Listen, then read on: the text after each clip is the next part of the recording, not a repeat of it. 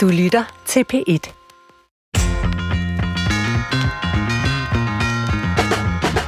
Velkommen til Brinkmanns Brix, hvor vi i dag skal tale om, hvordan tarmen påvirker vores hjerner og psyke. Og det er noget, jeg ved meget, meget lidt om, men øh, som jeg i hvert fald kan konstatere, at flere og flere forsker i. Så det er helt gratis for mig at stille alle de dumme og grundlæggende spørgsmål i dag. Men øh, til retlægger, Christoffer Heide Højer, tror du, at dine tarmbakterier har noget at gøre med dit mentale helbred? Altså, jeg aner det ikke. Og jeg orker næsten heller ikke, hvis det har enormt stor betydning, hvad jeg for eksempel så spiser, hvor det kommer ned i tarmen, hvad det også har af indvirkning på mit mentale helbred. Det, den, Nej, jeg kan ikke det er meget mere. til.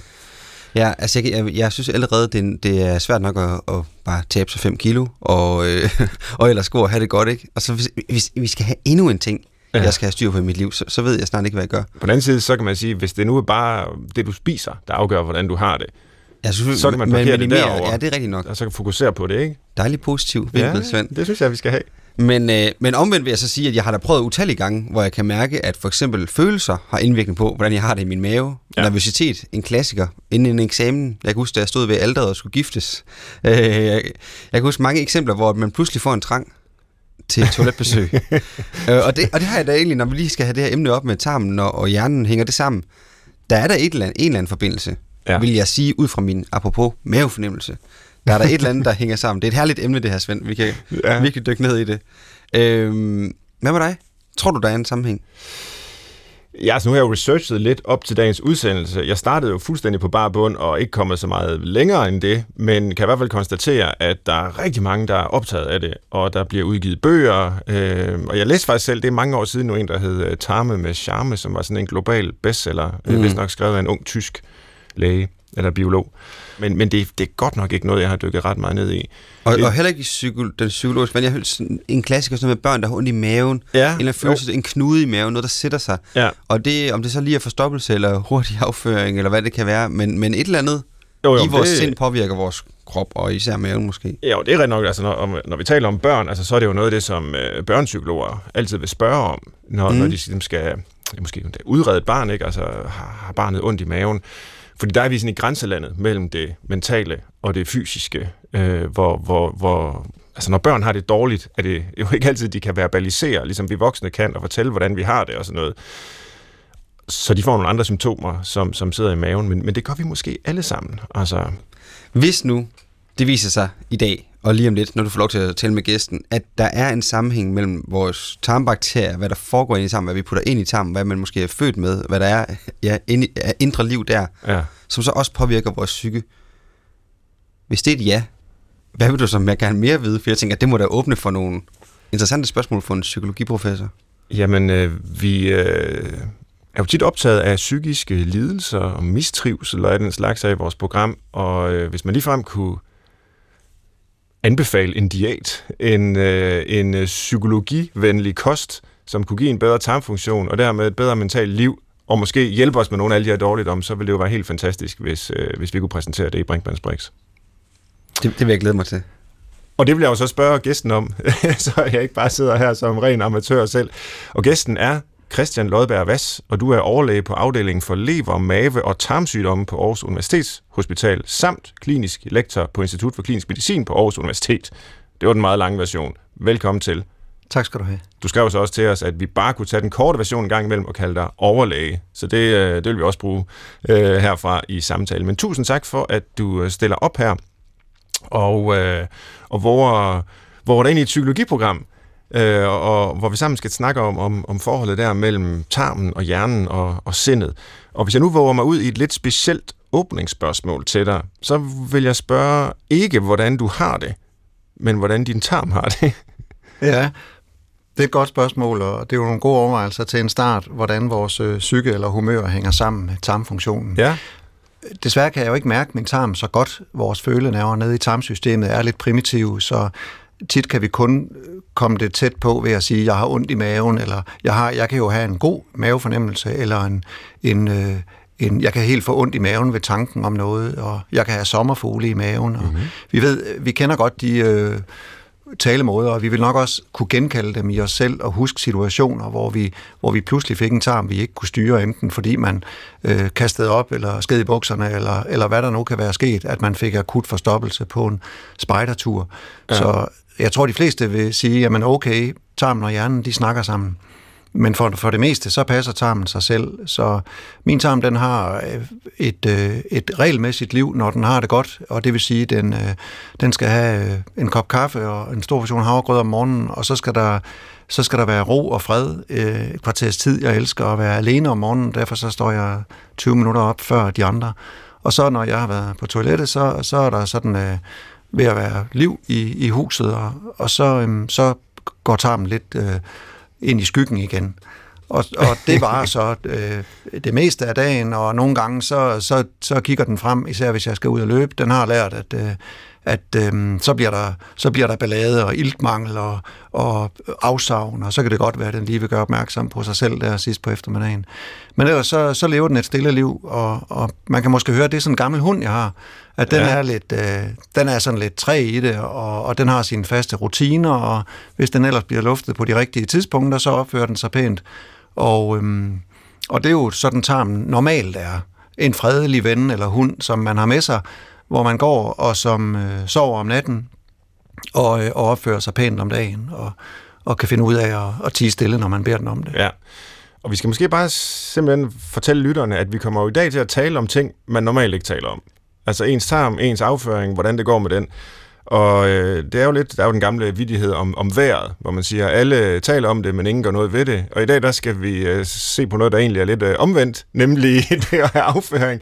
Øh, ingen taler om det, men, men alle gør noget ved det. Ja, det må man sige. Øh, og vi vil så tale om det. Og øh, nu kan jeg så sige, nu beskrev du lidt, hvordan øh, din tarm havde det om morgenen der med kaffen og løbeturen senere på dagen. Jeg kender en mand, som øh, når han står op, det første han gør, det er at gå på toilettet. Og der er altid noget at komme efter eller at, at, at få ud. Ikke? Så drikker han en kop kaffe, så skal han på toilettet igen. Og så kan han sidde og arbejde lidt, og så skal han på toilettet igen, før klokken den er blevet 10. Og det slår aldrig fejl. Tre gange hver dag, ugen rundt, året rundt. Er det normalt? Det er fuldstændig normalt. Vi har et så bliver min ven meget lettet. Ja, din særlige ven. øh, det, man kan lægge mærke til, er, at han har et regelmæssigt afføringsmønster. Ja. At der ikke er så mange udsving, at han har det fornuftigt i dagligdagen, ikke taber sig i vægt, der er ikke blod i afføringen. Vi ved, at kaffe er en af de øh, stimulanser af den refleks, der går fra mavesækken og ned til endetarmen. Vi ved ikke helt, hvilken måde mavesækken fortæller til tarmen, nu skal du tømmes, mm. fordi det er nok ikke 200 ml, altså en lille bitte stærk espresso. Volumenmæssigt er den jo ikke stor, Nej. så det er ikke volumen, øh, men, men når sådan en dobbelt espresso, den kommer ned i en tom tarm klokken 7 om morgenen, så vil der være mange mennesker, der har en ret, ret fast øh, erfaring med, at øh, så skal de på toilettet inden for de næste 5 minutter. Ja. Og, øhm, og det, er, det er en refleks, det man kalder den gastrokoliske refleks, og det er kaffe rigtig godt til. Ja. Øh, havregrød er, er rigtig godt, og øh, løbetur kan være fornuftigt øh, hos nogen, men, øh, men ellers så, så er det øh, fuldstændig normalt at skulle stimulere sin tarmfunktion på den måde om morgenen, og så kan være glad for, at, øh, at så, så lader den ham arbejde i fred resten af dagen. det, er, det er godt at høre. Så kender jeg et andet menneske, og jeg har ikke fået informeret samtykke til at bringe historien videre, så jeg vil øh, lade denne person være anonym. Øh, men det er en person, jeg kender rigtig godt, og hun, øh, øh, hun er måske på toilettet en til to gange om ugen. Nej, to. To vil jeg sige. Øh, skal, skal, skal hun være nervøs for det? Igen kan man sige, hvis hun holder vægten og kan spise det, hun øh, har brug for, og måske endda lyst til, så øh, kan det være fornuftigt og regelmæssigt afføringsmønster, som, som ikke kalder på opmærksomhed. Men okay. vi er lige på kanten af det, man vil kalde forstoppelse. Ja, det virker meget lidt. Det, altså, det synes min anden ven der. Hvor man kan sige, øh, helst øh, højst tre gange om dagen, og mindst tre gange om ugen, okay. øh, eller hver tredje dag. Der er sådan lidt sådan et, et, et spænd, ja. hvor man kan sige, at øh, ikke for tit, som er mere end tre gange om dagen, og ikke for sjældent, som er mindre end to gange om ugen i hvert fald. Så det er sådan lige på kanten, øh, og hvor man kan sige, hvis det ledsages af utilpasset de sidste par dage, før hun er på toilettet, eller kvalme, eller vægttab, øh, eller at hun ikke kan passe sit arbejde, fordi hun har ondt i maven de dage, hvor hun ikke kommer på toilettet, så kan man sige, så har man en, en behandlingskrævende forstoppelse, ja. som ofte kan løses med øh, øh, enten fibertilskud, eller sådan et, det man vil kalde et let afføringsmiddel, magnesia okay. for eksempel. Okay, og det kan være, at vi kan komme ind på det, øh, hvordan man afhjælper nogle af de her problematikker, der kan opstå. Men, men bare lige et sidste spørgsmål, så skal vi nok komme videre fra de her sådan lidt øh, anekdotiske eksempler. Men øh, de her to mennesker, lad os nu bare sige, de, de lever sammen, og øh, de spiser sammen øh, flere gange om dagen, og får altså nogenlunde den samme kost, og alligevel så kan de have vidt forskellige øh, toiletvaner, simpelthen. Øh, ved man noget om, hvordan det kan være? Ja, det ved man en del om. Når vi lever sammen, så nærmer vores øh, tarmmikrobiom, altså de mikroorganismer, vi har inde i tarmen, de nærmer sig hinanden. Ja. Og vi udvikler egentlig en, en synkroni, altså en form for samspil med dem, vi lever sammen med, og kommer til at minde om hinanden. Så selvom man stadigvæk godt kan have meget forskellige toiletvaner, ligesom man har anderledes andre vaner, den ene kan have natarbejde, den anden øh, kan være eliteløber eller, eller have andre ting, der påvirker tarmen i, i udtalt grad, så, så vil vi udvikle sådan en, en, en sameksistens, øh, hvor især det med tarmmikrobiome, altså vores tarmbakterier og virus, de, øh, de nærmer sig hinanden. Og der minder vi på, på for eksempel på den måde, om dem, vi lever sammen med. Men man kan sige, hvis det nærmer sig hinanden, så skulle man tro, at vi fik nogenlunde identiske toiletbaner. Det er der også og mange, herfra der får. er det egentlig to Ja, det er der også mange, der får. Men, men det, der kan være lidt øh, vanskeligt eller spændende, alt efter hvordan man ser på det med tarm, det er, det er at se på tarmfunktion og tarmsygdomme, som jo er det, jeg beskæftiger mig meget med, ja. det er, at der er stor forskel på, hvad man oplever som normalt eller belastende, eller får ondt i maven af for eksempel, og hvordan ens tarmfunktion udvikler sig hen over tid, sådan at der er noget, der virker for den ene, men er meget vanskeligt for den anden. Mm. Jeg har for eksempel meget svært ved at spise store mængder selleri, selvom selleri sådan teknisk set egentlig ikke er en skurk, sådan rent, øh, øh, hvad skal man sige, ernæringsmæssigt i forhold til at udvikle luft i maven. Mens hvis det nu var løg, jeg havde det svært med, så ville øh, de diætister, jeg arbejder sammen med, de vil sige, ja, det er da klart, fordi at lige præcis i løg, der er der rigtig mange af de her mellem, mellemlange kulhydratstivelsesforbindelser, som mm. er rigtig gode til at give luft i maven, hvor man jo siger, at løg giver røg, men øh, jeg har det altså med selleri, og okay. det er lidt ærgerligt, for jeg elsker selleri, ja, no. og, og ved, at øh, så for, det koster, at jeg får ondt i maven. Okay. Nu har vi jo allerede været lidt inde på det her med sammenhængen mellem øh, hjernen og sindstilstanden, og så tarmene. Øh, kan man sige, at man i en eller anden udstrækning er sin tarm. Altså, vi har jo vendet os til som moderne mennesker, der har sådan et øh, grundlæggende øh, naturvidenskabeligt syn på verden, at vi er vores hjerne, og i hvert fald er vores hjerne medvirkende til, hvis ikke øh, eneafgørende for, øh, hvordan vi tænker, hvordan vi føler, hvordan vi har det. Men skal vi til at sige, at tarmen også ligesom er os? Eller hvordan ser du egentlig på det? Tarmen er i hvert fald i os, og ja. man kan også overveje, om det liv, vi har i tarmen, er os selv. Altså, vi har jo cirka 25.000 gener, øh, altså øh, DNA-strukturer, som, som skaber dem, den vi er. Øh, og der ved vi, at vores tarmbakterier, de har cirka et par millioner gener.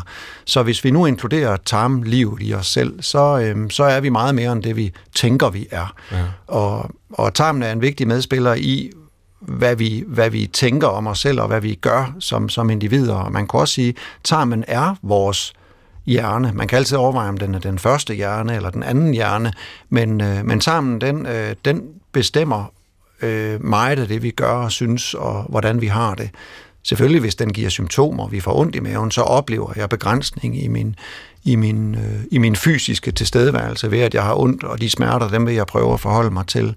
Men, øh, men det er også tarmen, der siger til mig, øh, nu, har jeg, nu har jeg lyst til chokolade, og når jeg begynder at, at tænke på chokolade, så løber munden i vand, og bare bare det, at jeg begynder at tale om chokolade, gør, så, så løber munden i vand. Og det vil sige, det er jo mine spytkirtler i kinderne, der, øh, der kan høre, hov, han sagde chokolade, mm. nu skal der produceres vand, øh, og, og det vil alle have erfaring med sig selv om, hvad, hvad kan få min tarm, eller min spytproduktion, eller min, min, øh, min endetarms trang til at, at løbe afsted med mig ud på toilettet.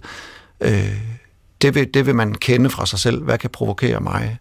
Men hvad, hvad ligger i, når du siger, at hvad var vendingen, at tarmen er vores hjerne også, ja. eller måske den første hjerne? Hvad betyder det? Det betyder, at, at de signalstoffer, som hjernen selv bruger til at kommunikere, for eksempel serotonin, det hormon, som for nogle år siden blev kendt som lykkehormonet, altså som er det, der, der er med til at, at, at signalere følelse af, af glæde eller opmærksomhed eller vågenhed i hjernen. Det er også et hormon, der bliver produceret i tarmen, og som tarmen bruger både til at signalere til de forskellige områder i tarmen, men også til at sende ud i blodet, og sandsynligvis også til at påvirke hjernen, altså vores, det man kunne kalde vores tænkehjerne. Mm-hmm. Øhm, og, øhm, og, og, og på den måde er der mange forbindelser mellem tarmen og hjernen. Nu har vi snakket det der med at have en mavefornemmelse. Det, det, det er måske sådan en, en hjernefornemmelse, hvis vi nu tænker på hjernen, det vi har inde i kraniekassen, ja. øh, som, som går ned i maven, som så er hele tarmsystemet, der ligger under mellemgulvet. Begge dele er jo sådan lidt tilsnigelser, men øh, de taler med hinanden. Hjernen taler til tarmen, og tarmen taler også til hjernen. De bruger øh, især den store øh, hjernenerve, der går ned til tarmen, den der hedder vagusnerven, og så bruger de de her hormoner, som tarmen producerer, og de bruger øh, stof, stoffer, som, som også bakterierne producerer, som går ud i blodet og op i hjernen, til at fortælle os, øh, hvad har jeg lyst til at spise, øh, hvad er mit humør, hvordan øh, agerer jeg i dag. Og øh, for eksempel, for, jeg, jeg forestillede mig egentlig i lang tid, at når jeg var sulten og ikke havde fået noget at spise, og blev i rigtig dårligt humør, at det var mit blodsukker, og, og jeg sagde, at jeg var sukkerfølsom, og jeg skulle have noget at spise, og jeg ved også godt, at, at øh, det, det er godt, at, øh, at jeg har fået noget at spise, før jeg skal lave noget vigtigt, for ellers så kan jeg godt blive sådan lidt ej i det. Øh, og det har jeg altid tænkt på, var noget med blodsukkeret. Men nu har jeg så været med som, øh, som forsøgsperson i forskellige projekter, og kan se, at mit blodsukker, det er altid fuldstændig almindeligt stabilt, også ja. når jeg er sulten og i dårligt humør. Øh, og det er, er de andre øh, signalstoffer fra tarmen, der siger, vi vil bare, vi vil bare have noget chokolade nu, øh, og, og bliver vred, og, og, og det, det bliver jeg så også. Jeg er i sindssygt dårligt humør, når jeg er sulten. det kan man godt genkende, tror jeg. Øh, men nu nævnte du det der med, at øh, serotonin øh, som er et hormon, der har betydning, måske har betydning for sådan noget som depression og angst, det, at det bliver produceret i tarmen. Og når jeg siger måske, så er det fordi, det er jo noget, som øh, bliver diskuteret rigtig meget, hvad sammenhængen er. Der findes sådan nogle SSRI-præparater, ja. som går ind og påvirker øh, måden hjernen øh, optager serotonin på og sådan. Men, men øh, hvis det er, at det hormon produceres i tarmen, og, og ligesom er en del af et totalt system, hvor, hvor hjernen er involveret, og som har implikationer for, hvordan vi har det, vores humør, vores øh, sind, øh, kan man så spore simpelthen angst og depression i tarmen, sådan i princippet? Der er nogle sammenhænge, som er sådan lidt mere overordnet imellem tarmfunktion og øh, tilstande som angst og depression, og tilstande som irritabel tarm, altså en forstyrret tarm, hvor man har ondt i maven og vækstende afføringsmønster, perioder med diarré eller forstoppelse, øhm, at de, de tilstande med irritabel tarm, de forekommer hyppigere samtidig med angst og depression. Ja. Så de følges ad i en vis udstrækning. Man kan sagtens have forstoppelse uden at have depression, og man ja. kan sagtens have depression uden at have tarmproblemer. Men de forekommer hyppigere sammen end hver for sig. Okay. Og, øhm, og man kan tilgå hjernen via tarmen. Altså øh, øh, ændre sit velbefindende gennem for eksempel det, man spiser, eller gennem den måde, tarmen ser ud på. Og tilsvarende kan man, kan man ændre tarmen gennem hjernen. Øh, vi vil jo nok ønske, at vi kunne det i lidt højere grad, men man kan faktisk... Øh, hjernen kan faktisk sige til tarmen, nu skal du lægge dig ned og sove. Mm. Det gør den hver aften, når vi går i seng. Øh, vores afdeling har, har været med til at lave sådan et, et skørt forsøg, hvor vi satte øh, elmåler på hjernen, altså det man kalder EEG eller elektroencefalografi, hvor man måler hjernens strømaktivitet, og så samtidig måle tarmens bevægelser. Og når kroppen, altså hjernen, lægger sig til at sove, jamen så lægger tarmen sig også til at sove. Okay. Og, og det siger hjernen jo til tarmen. Nu skal du gå i seng. og, øh, og, og man kan godt opleve, hvis man har irritabel tarm, at, at det, har, det har tarmen simpelthen rigtig svært ved at forstå. Mm. Man vågner med afføringstrang om natten. Det er noget, der altid skal hvad skal man sige, være noget, man er på vagt overfor, fordi det er ikke normalt at blive vækket om natten med afføringstrang. Det er helt okay, når man står tidligt op om morgenen, og tarmen ved godt, nu kommer der en kop kaffe om en kvarter, så nu skal jeg lige starte med at bane vej. Det, det er fuldstændig normalt. Men det at blive vækket klokken to om natten, at skulle løbe ud på toilettet. Det, det skal man søge læge for. Ja. Men, men om aftenen hos den normale tarm, der finder den sig i at blive puttet af hjernen, og hvor vi skal være gode til at, at prøve at finde de steder i hjernen, der kan, der kan hjælpe tarmen til at, at opføre sig pænt. Ja. Lige om lidt, så vil jeg gerne øh, spørge dig meget mere til dit øh, arbejde, øh, også med patienter, hvad man kan gøre ved forskellige problematiske tilstande i tarmen. Men jeg har lige et par sådan måske lidt mere flyvske spørgsmål øh, inden, og, og det ene handler om øh, det der med, altså i hvor høj grad er vi også vores tarm? Altså jeg, jeg læste oprindeligt filosofi på universitetet, og vi blev præsenteret for sådan nogle filosofiske tankeeksperimenter. Der var en filosof, jeg tror det var tilbage i 70'erne, Putnam hed han, som spurgte, er vi hjerner i et kar? kunne vi dybest set være hjerner i et kar. Forstået på den måde, at hvis det mentale liv er i hjernen, kunne man så tage hjernen ud af kraniet, putte den ned i et kar med næringsvæske og stimulere den øh, med nogle impulser. Og så vil vi have hele oplevelsen af verden øh, som hjerner i et kar. Han nåede sig frem til, at det kunne vi ikke være, til almen beroligelse. Men det, jeg kunne tænke mig at spørge dig om i den forbindelse, det var, jamen er selve den måde at stille det op på, øh, kan man sige, øh, forkert, fordi vi som minimum skulle være hjerner og tarme i et kar. Altså, øh, jeg prøver at spørge til, i hvor høj grad tarmen efter din mening er involveret i vores mentale liv, vores tænkning, vores følelser, øh, så den er helt nødvendig i, i, i, i det her psykiske system. Hvordan ser du på det? Nu har jeg jo først og fremmest en, en alvorlig interessekonflikt, fordi jeg er tarmlæge, og, øh, og taler jo med, med personer, der beskæftiger sig med andre organsystemer. Jeg tror retfærdigvis også, man må sige, vi er først og fremmest hele vores krop, og vores psyke ja. er i vores krop, og øh, måden, jeg bevæger mig på og forholder mig til mine muskler og mine knogler som, som, øh, som organer er, er vigtig. Mm. Og tarmen indgår i, i det her hele. Men tarmen spiller nok et lidt mere, øh, hvad skal man sige, påvirkeligt en påvirkelig rolle i vores velbefindende, end øh, måske en, en hjertet gør for eksempel, selvom hjertet jo er det, det hellige organ, mm. som vi har tillagt flest hjernefunktioner, og hvor, og hvor øh, det at få en, en, en hjerte, altså vi, vi tænker jo, at mange af de øh, egenskaber, vi måske nok tænker er relateret til vores frie vilje, eller vores kærlighedsliv, eller vores, øh, vores almindelige gørn og laden, at det, at, at vi tænker, at det, det bor i hjertet. Det ved vi godt, at, at det bor nok ikke nede i den muskel, vi har i brystkassen, pumpe, men så. et andet sted. ja. men, men alligevel så er vi med på, at hjertet har den betydning, og, og, og der tror jeg, tarmen på samme måde er en, øhm, både en metafor, altså en, en, en måde at forstå vores verden på, men som de sidste, øh, jeg tænker, jeg vil nævne to øh, perioder, som, som har betydet meget for, at nu betragter vi tarmen som en, en afgørende medspiller i vores almindelige liv i verden. Ja. Øh, at, at tar, jeg tror, det er hele kroppen, der, der spiller ind, og vi kan gå til vores, for eksempel vores velbefindende, og det, at vi ikke udvikler angst, øh, at det kan vi gå til af flere veje, øh, som kan være, nogle af dem kan være relateret til tarmen, og nogle kan for eksempel kun være relateret til fysisk bevægelse. Men måske er der sådan en øh, form for organdiskrimination, altså alle de kærlighedssange, der handler om hjertet, og man skal følge sit hjerte, og man skal lytte til sit hjerte osv. Vi burde måske skrive kærlighedssange om, om, om tarmen. Ja, det altså, kunne være. Øh, hjerte rimer ikke bare på smerte, men også på fjerde, ja. som min bror plejede at sige.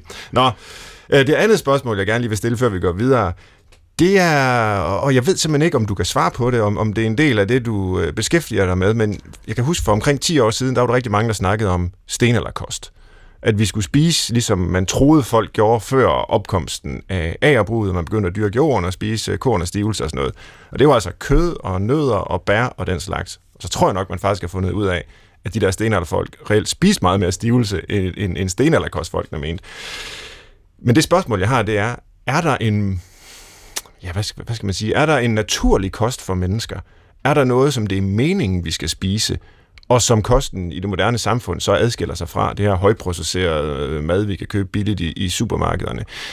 Er, er der ligesom noget, som er, er den rigtige kost for os?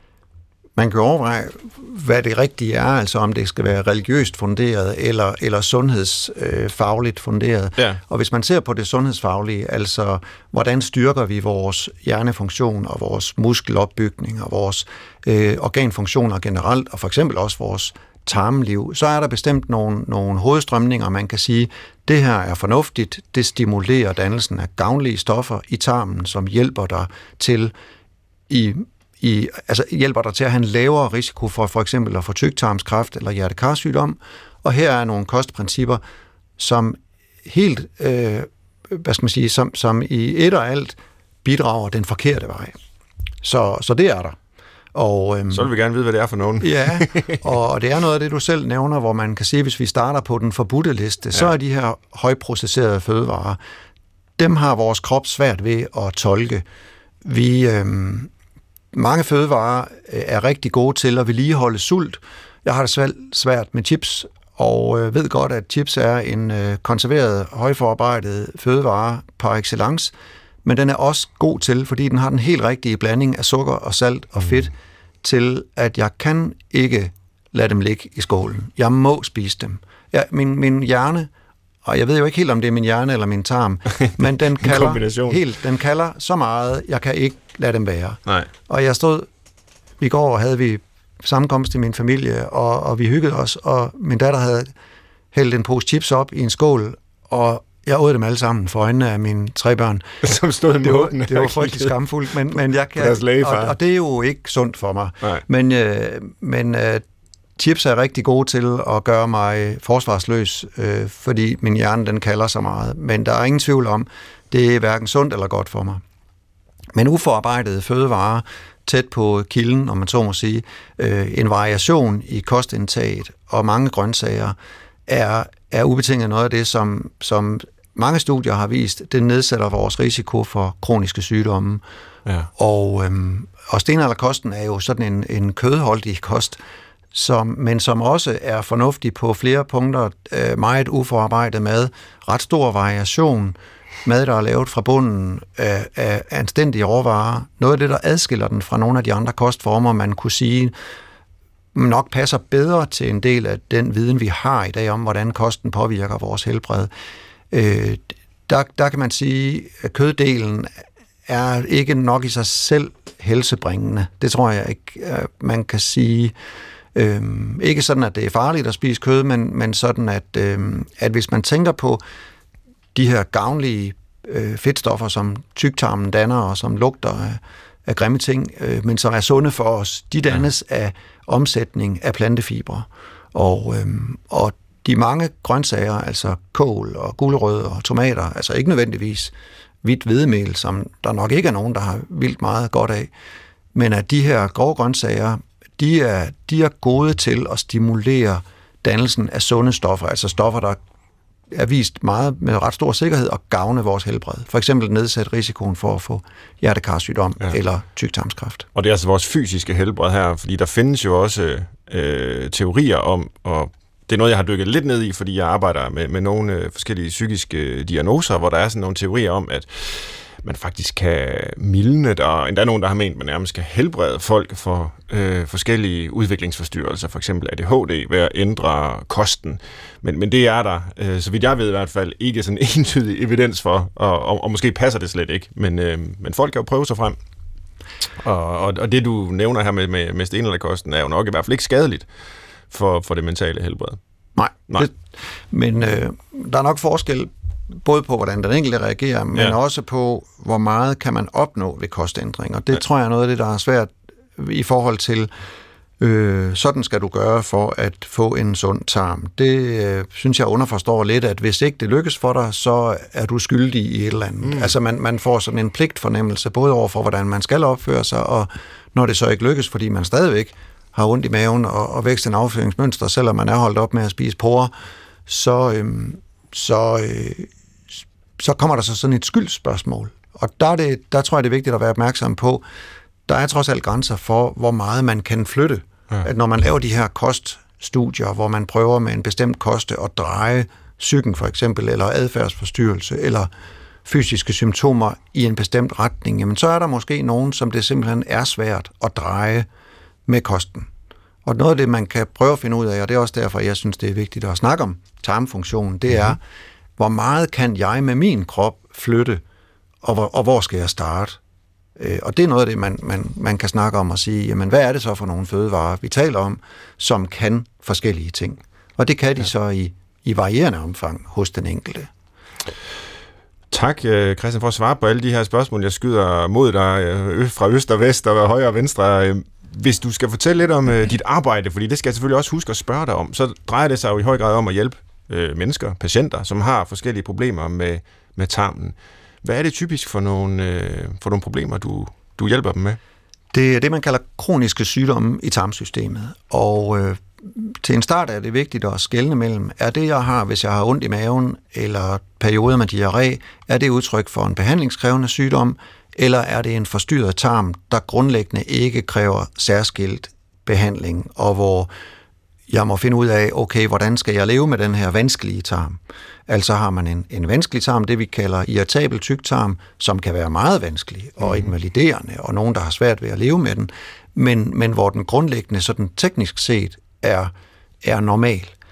Eller har jeg det, man kunne kalde en kronisk tarmsygdom, øh, og hvor de to almindelige tarmsygdomme hedder colitis ulcerosa og Crohns sygdom, som er immunsygdomme, hvor immunsystemet prøver at ødelægge tarmen, og man får sår, og slimhinden går i stykker, og man kan få forsnævringer.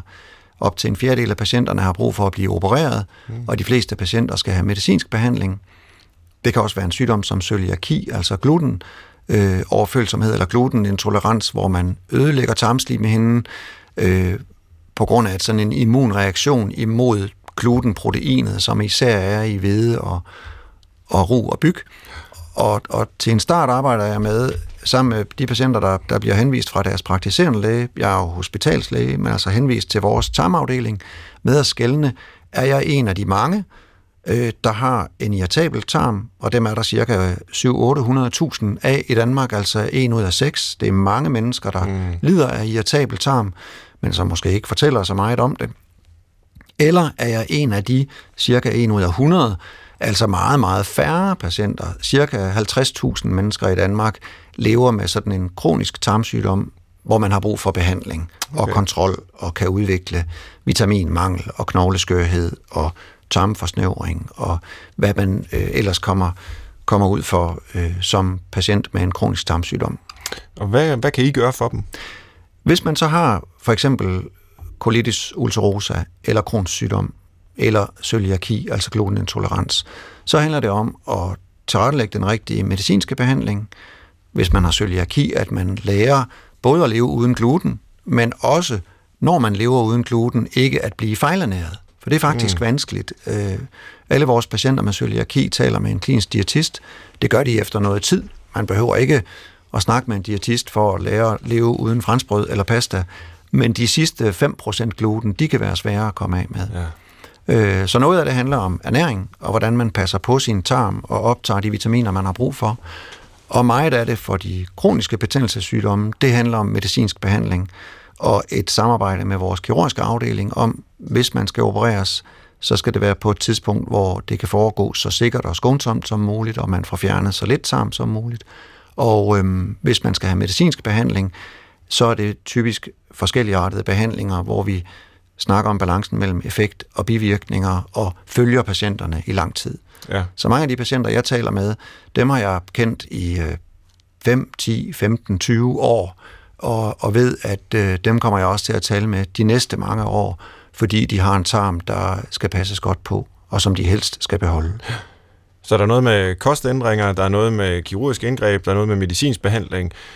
Er der ikke også noget med overførsel af tarmbakterier mellem personer? Jo, det er det, man kalder fæsestransplantation, altså det at overføre hele det her miljø- eller økosystem af bakterier og virus fra, den, fra en rask donor til en patient. Ja. Det lyder som en helt skør behandling, og øhm, det har egentlig været kendt i mange år, at det kunne man godt, og det har levet et, et sådan et skyggeliv, ligesom det liv, øh, vi talte om i starten med, med tarmen, hvor man godt vidste, at nogle patienter med livstruende diarré, de kunne blive raske, hvis de fik tarmbakterier fra en, en rask person. Mm-hmm. Og det foregik sådan lidt i det skjulte, og vi vidste, at der var en, en skør mikrobiolog på Rigshospitalet, der hed Michael Tvede, der vist nok gjorde det, og, øh, og det, det havde han lidt svært med at blive berømt på. Og, og det var et skam, en skam, for han havde sådan set ret. Og, øhm, Hvad er det, der foregår og, i, helt konkret? Altså, ja, hvordan gør man det der? Ja, nu gør man det lidt anderledes, end Michael Tved gjorde det i starten, og han var jo måske bare forud for sin tid. Men man gør det hos patienter, der har den her særlige sygdom, hvor hele deres tarm er brudt sammen, og det eneste, der kan vokse i tarmen, det er en særlig bakterie, der hedder Clostridium difficile, som er sådan en ukrudtsbakterie, der skaber sådan nogle rigtig øh, trælse, hvad skal man kalde det, belægninger inde i tarmen, mm-hmm. og som man bliver ret syg af.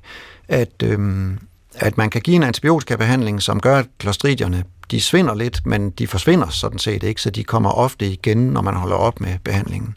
Og det man så gør, det er, at man efter den her middeleffektive antibiotikabehandling, der kan stabilisere situationen, så fylder man op med tarmbakterier fra en rask donor.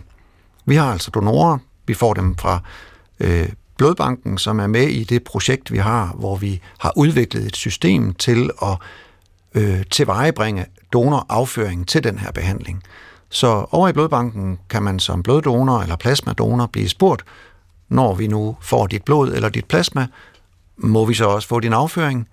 Og patienterne, eller undskyld, donorerne i starten sagde, og hvad sagde du lige der? øh, så det kræver lidt viden, og, og lidt, øh, nu er der jo heldigvis kommet lidt mere opmærksomhed på, at det her ja. det findes altså, og, og vi har skrevet og, og fortalt lidt om det, som jeg nu også får lov til at fortælle dig om det. Men altså, øh, når de lige får forklaret det, så siger de, hold det op.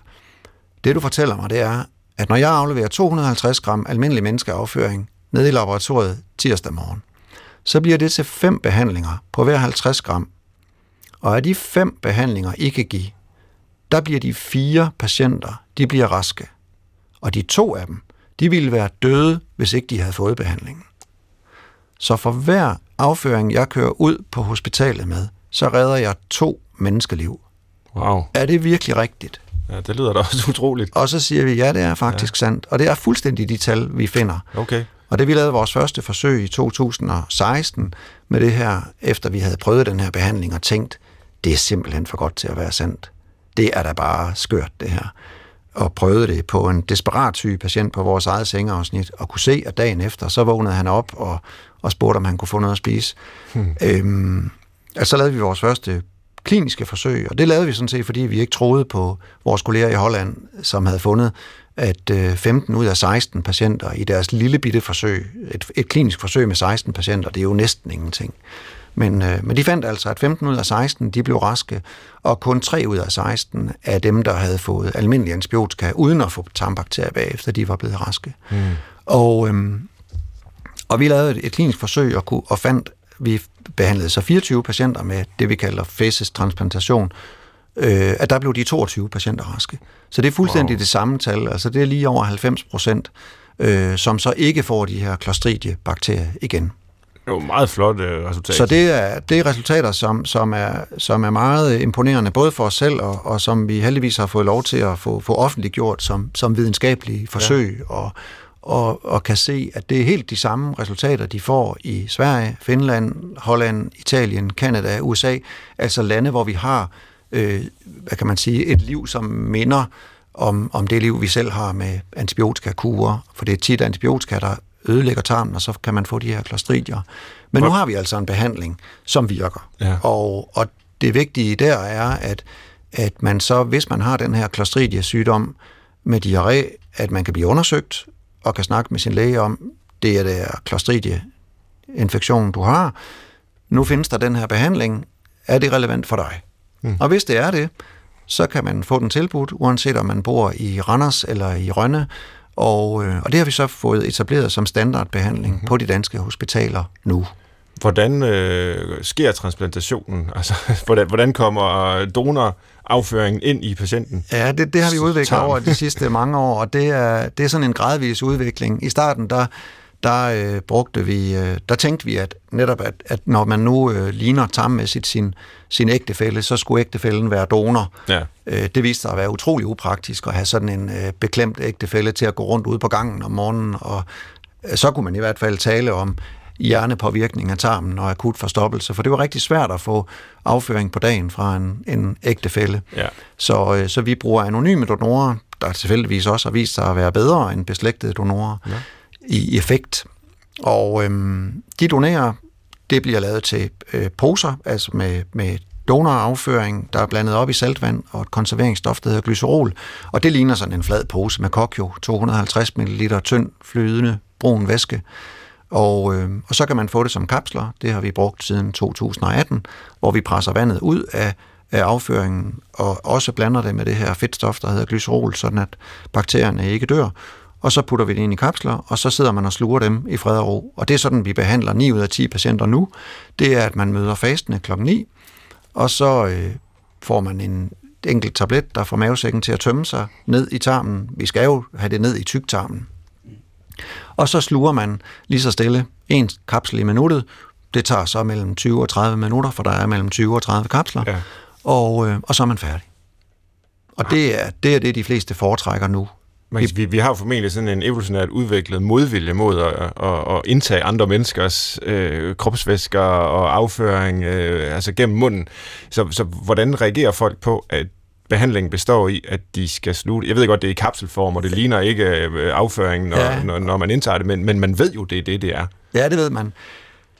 Mange vil være med på, at vi har brug for vores tarmbakterier til at leve et almindeligt liv og have en normal tarmfunktion. Og dem, der har den her klostridies sygdom, vi har undersøgt øh, i et enkelt kalenderår, kunne vi, der undersøgte vi alle personer, der havde deres første Clostridia-infektion. Og hvis man ser på dem over 60 år, så var en fjerdedel af dem, de var døde efter tre måneder. Hmm. Og dem over 80 år, der var halvdelen, de var døde efter tre måneder. Så når man har Clostridia, så er man godt klar over, at øh, manden med lægen, han står lige rundt om hjørnet. Okay. Så, øh, øh, og, man, og man samtidig har en klar, man er nok med på, at det at have almindelige tarmbakterier og gå på toilettet hver dag og udskille cirka 100 gram bakterierester, det er noget, vi alle sammen gør. Og når man udskiller 6, 8, 12, 15 vandtynde afføringer per dag og har tabt sig 5 kilo, så er man godt klar over, at, at når der så sidder en over for dig og siger, hvis du sluger de her 30 kapsler, som består af fuldstændig almindeligt tarmindhold fra en rask donor, som vi ved er rask, og ikke bærer noget, du kunne blive smittet med. Mm. Der er to lag kapsel. De smager ikke af noget. De er hvide. Ja. Øh, dem sluger du, så er du rask i morgen. Så vil man gerne det. Det er der meget, meget få mennesker, der siger nej til. Ja, det giver mening. Og dem, der siger nej, fordi de ikke vil sluge afføring, dem prøver vi at passe så godt på, som vi kan, og siger, hvis de her klostridier kommer igen, så er vi her stadigvæk om 14 dage. Nu beskriver du, hvordan øh, der er en altså, fantastisk øh, effektiv øh, behandling øh, mod lige præcis den her tarmsygdom, øh, lige præcis de her bakterier. Men har man nogle hypoteser om, hvorvidt der kunne være andre øh, sygdomme i tarmen, øh, måske i det hele taget andre sygdomme, som kunne påvirkes gennem den her øh, afføringstransplantationsmetode? Det er der rigtig mange idéer om. Nu, for det første har det her med at bruge fæstetransplantation mod den her specifikke sygdom, der hedder Clostridium difficile, det er jo sådan et proof of concept. Vi ved, det findes faktisk. Ja. Altså, det, det passer. Uanset hvilken skepsis man kunne have, og den har der været meget af, og den er der stadigvæk meget af, så, så passer det faktisk. Altså, de bliver raske. Og øhm, det gør selvfølgelig, at vi tænker, øh, kunne det også gælde andre sygdomme? For eksempel de her kroniske betændelsessygdomme. Vi ved, der er sygdomme, hvor der er en meget stærk forbindelse mellem, hvad der sker i tarmen og hvad der sker i hjernen. For eksempel Parkinsons sygdom, som er en sygdom, hvor der er bestemte celler i hjernen, der holder op med at producere bestemte signalstoffer, og hvor man langsomt får påvirkning af sin muskelkraft, men hvor der er en parallel i tarmen, der hos mange patienter med Parkinsons sygdom kommer før det, der sker i hjernen. Og der diskuterer man meget.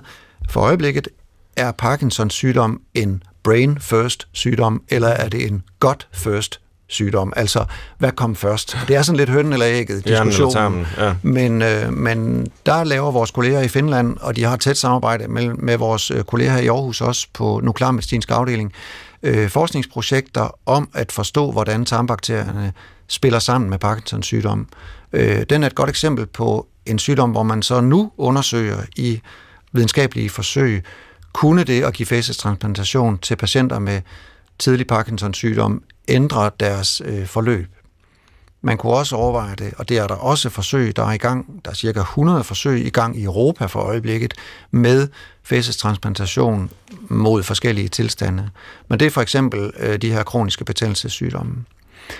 Og overfor det står så, at man har i mere end 100 år tænkt, at tarmens bakterier kunne have en indflydelse på vores psykiske velbefindende. Og allerede i 1915, der offentliggjorde man i den øh, sådan anerkendte, det anerkendte tidsskrift, der hedder British Medical Journal, en artikel, hvor man viste, hvordan tilførsel af mælkesyrebakterier kunne helbrede melankoli, altså depression. Mm.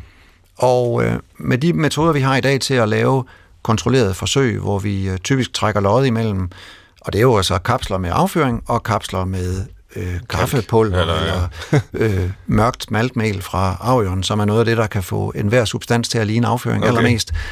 Øh, når man laver de her klassiske lodtrækningsforsøg i dag, så øh, er der Hvor ikke hverken nogen... den, der tager dem, eller den, der giver Ja. dem, ved, hvad man får. Som, ja. ja, som er dobbeltblindede på den måde, at øh, jeg ved ikke, hvad du får, og du ved ikke selv, hvad du får. Nej. Og vi så følger patienterne over tid, så er der desværre ikke nogen forskel, når man øh, laver de her forsøg med klassiske mælkesyrebakterier, det man kalder probiotika, altså dyrkede bakterier, øh, frysetørret og indkapslede.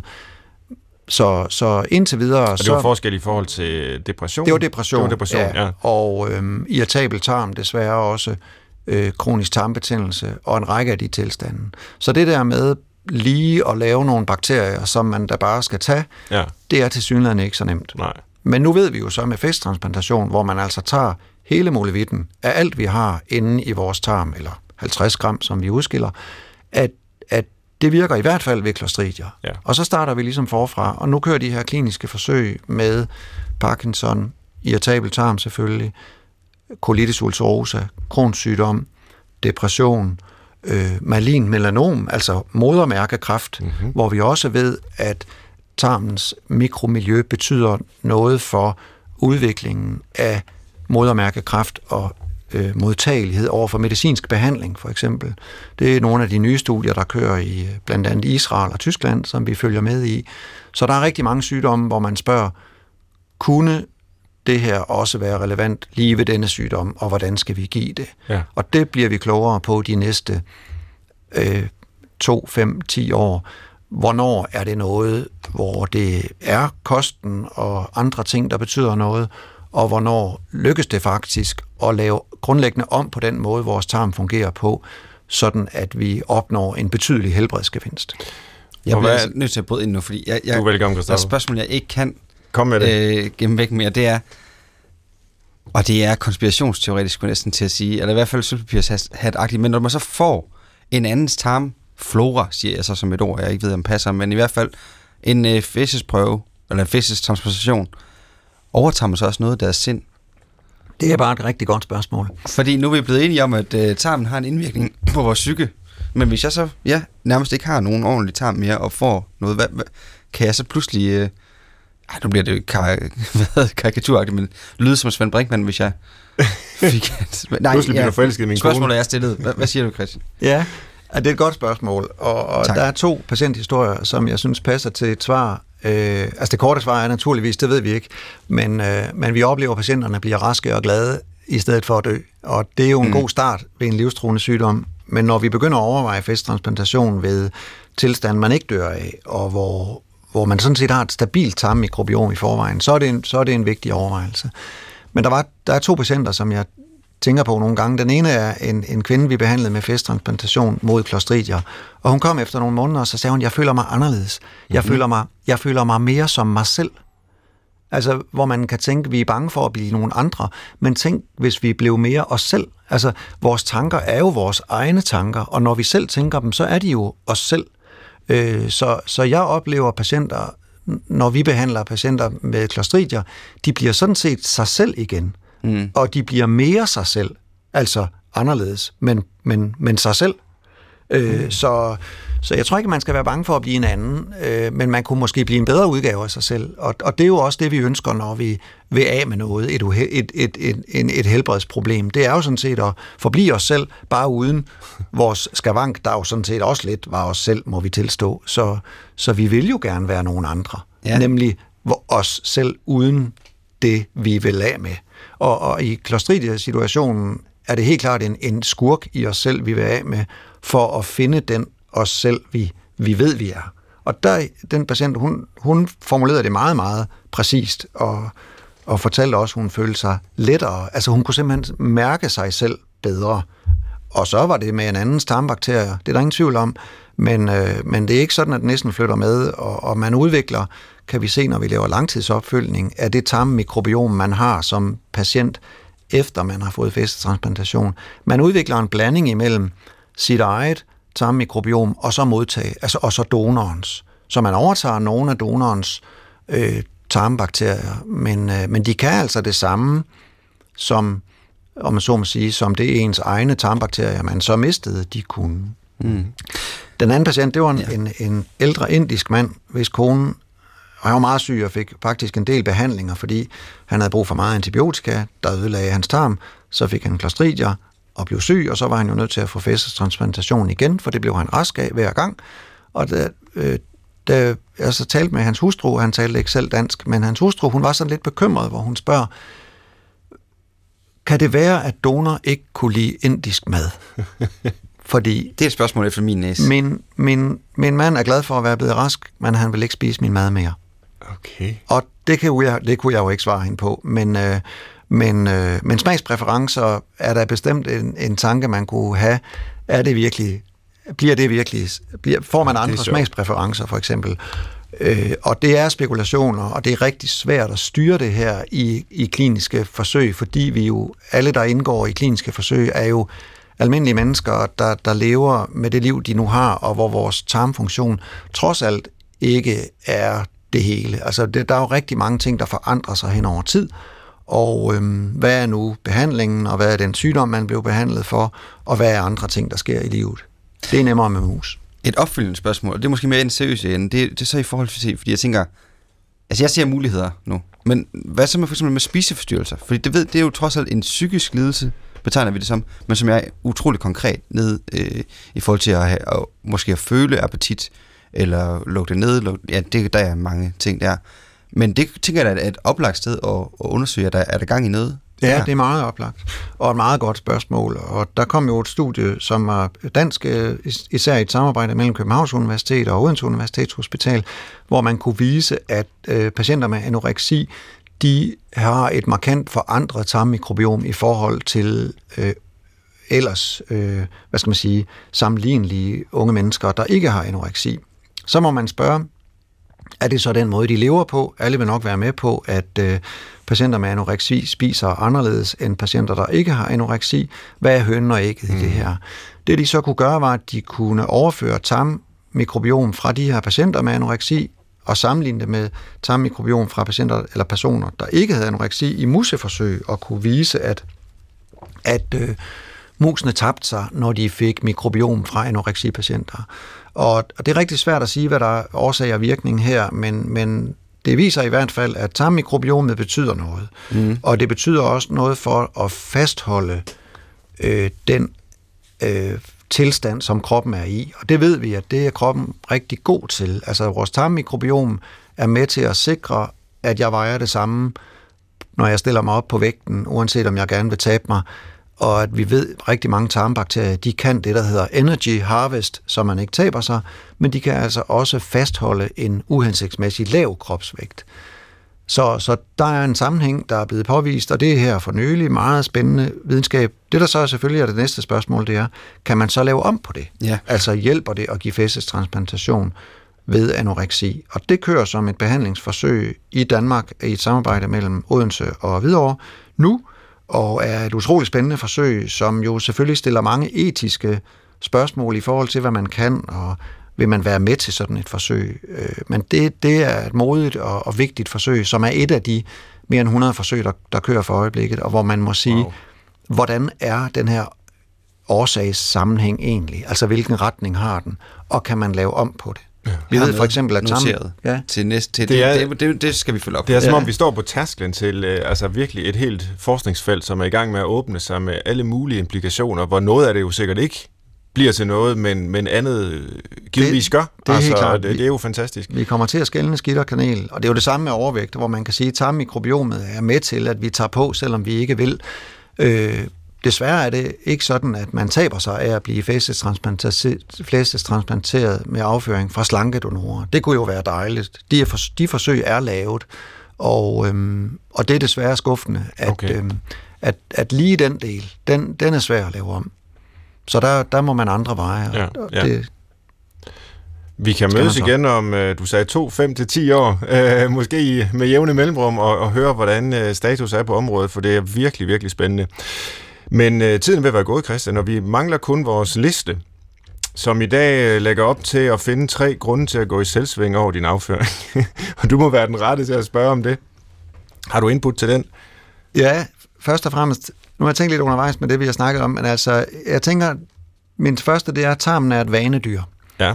Og hvis vi kan lure vanerne, hvis vi kan hjælpe tarmen til at få gode vaner, så er vi rigtig langt på vej. Og jeg kan godt gå i selvsving. Jeg havde en periode, hvor, hvor min tarm fandt ud af det der med løbeturen. Den, den kunne mærke, det var ligesom hunden, den kunne simpelthen mærke, at jeg skulle ud og løbe. Øh, jeg gik lige et par runder i huset, det tog fem minutter, så skulle jeg på toilettet. Nu, øh, nu er jeg i stedet for nødt til øh, at, at lægge min løberute, sådan at efter cirka 8 km, så kommer jeg forbi toiletterne ude ved Mosgaard Strand i Aarhus, og øh, det passer meget godt. Men, øh, men, Det ved men, din tarm. Men tarmen er, tarmen er et vanedyr. Den er klog. Og så øh, øh, må man leve med sin tarm. Altså, min, min, mine børns venner fortæller, når de finder ud af, at jeg, jeg er tarmlæge, så er der nogen, der kryber frem af busken og, og siger, at jeg har i virkeligheden rigtig ondt i maven rigtig tit, og min læge kan ikke finde ud af, hvad det er. Nej. Og der tror jeg, det man skal prøve at, at gå i selvsving over, det er, han har sagt, vi ved godt, hvad det er, men, men vi kan ikke gøre noget ved det. Og det er, det er øh, man kan sige, det er rigtig vanskeligt at have irritabel tarm, fordi at der ikke er nogen behandlinger, der får det til definitivt at gå helt væk. Men når man finder øh, noget, der kan, der kan hjælpe, altså nu fandt jeg forbandelsen med selleri, selvom, selvom den ikke passer efter bøgerne, men, øh, men når man finder sådan noget, det er faktisk rigtigt med dem, der får ondt i maven af at spise jordskokker, at øh, det er jordskokkerne og ikke tarmen, den er gal med. Mm. Og så må man leve et liv uden jordskokker. Ja. Det lyder som et trist og kedeligt liv uden jordskokker. Men tusind tak for de uh, input. Uh, du har lyttet til Brinkmanns Brix, og det var altså i dag med Christian Lodberg Vass, som er overlæge på afdelingen for lever, mave og tarmsygdomme på Aarhus Universitetshospital, og du er også klinisk lektor på Institut for Klinisk Medicin på Aarhus Universitet. Tusind tak for at tage os med ind i tarmen, om jeg så må sige, i en hel time. Og tak fordi jeg måtte komme. Det var drøn spændende. Bag Brinkmanns Brix gemmer sig også til rettelægger Christoffer Heide Højer, og jeg hedder Svend Brinkmann. Vi er tilbage i næste uge. Tusind tak, fordi I lyttede med.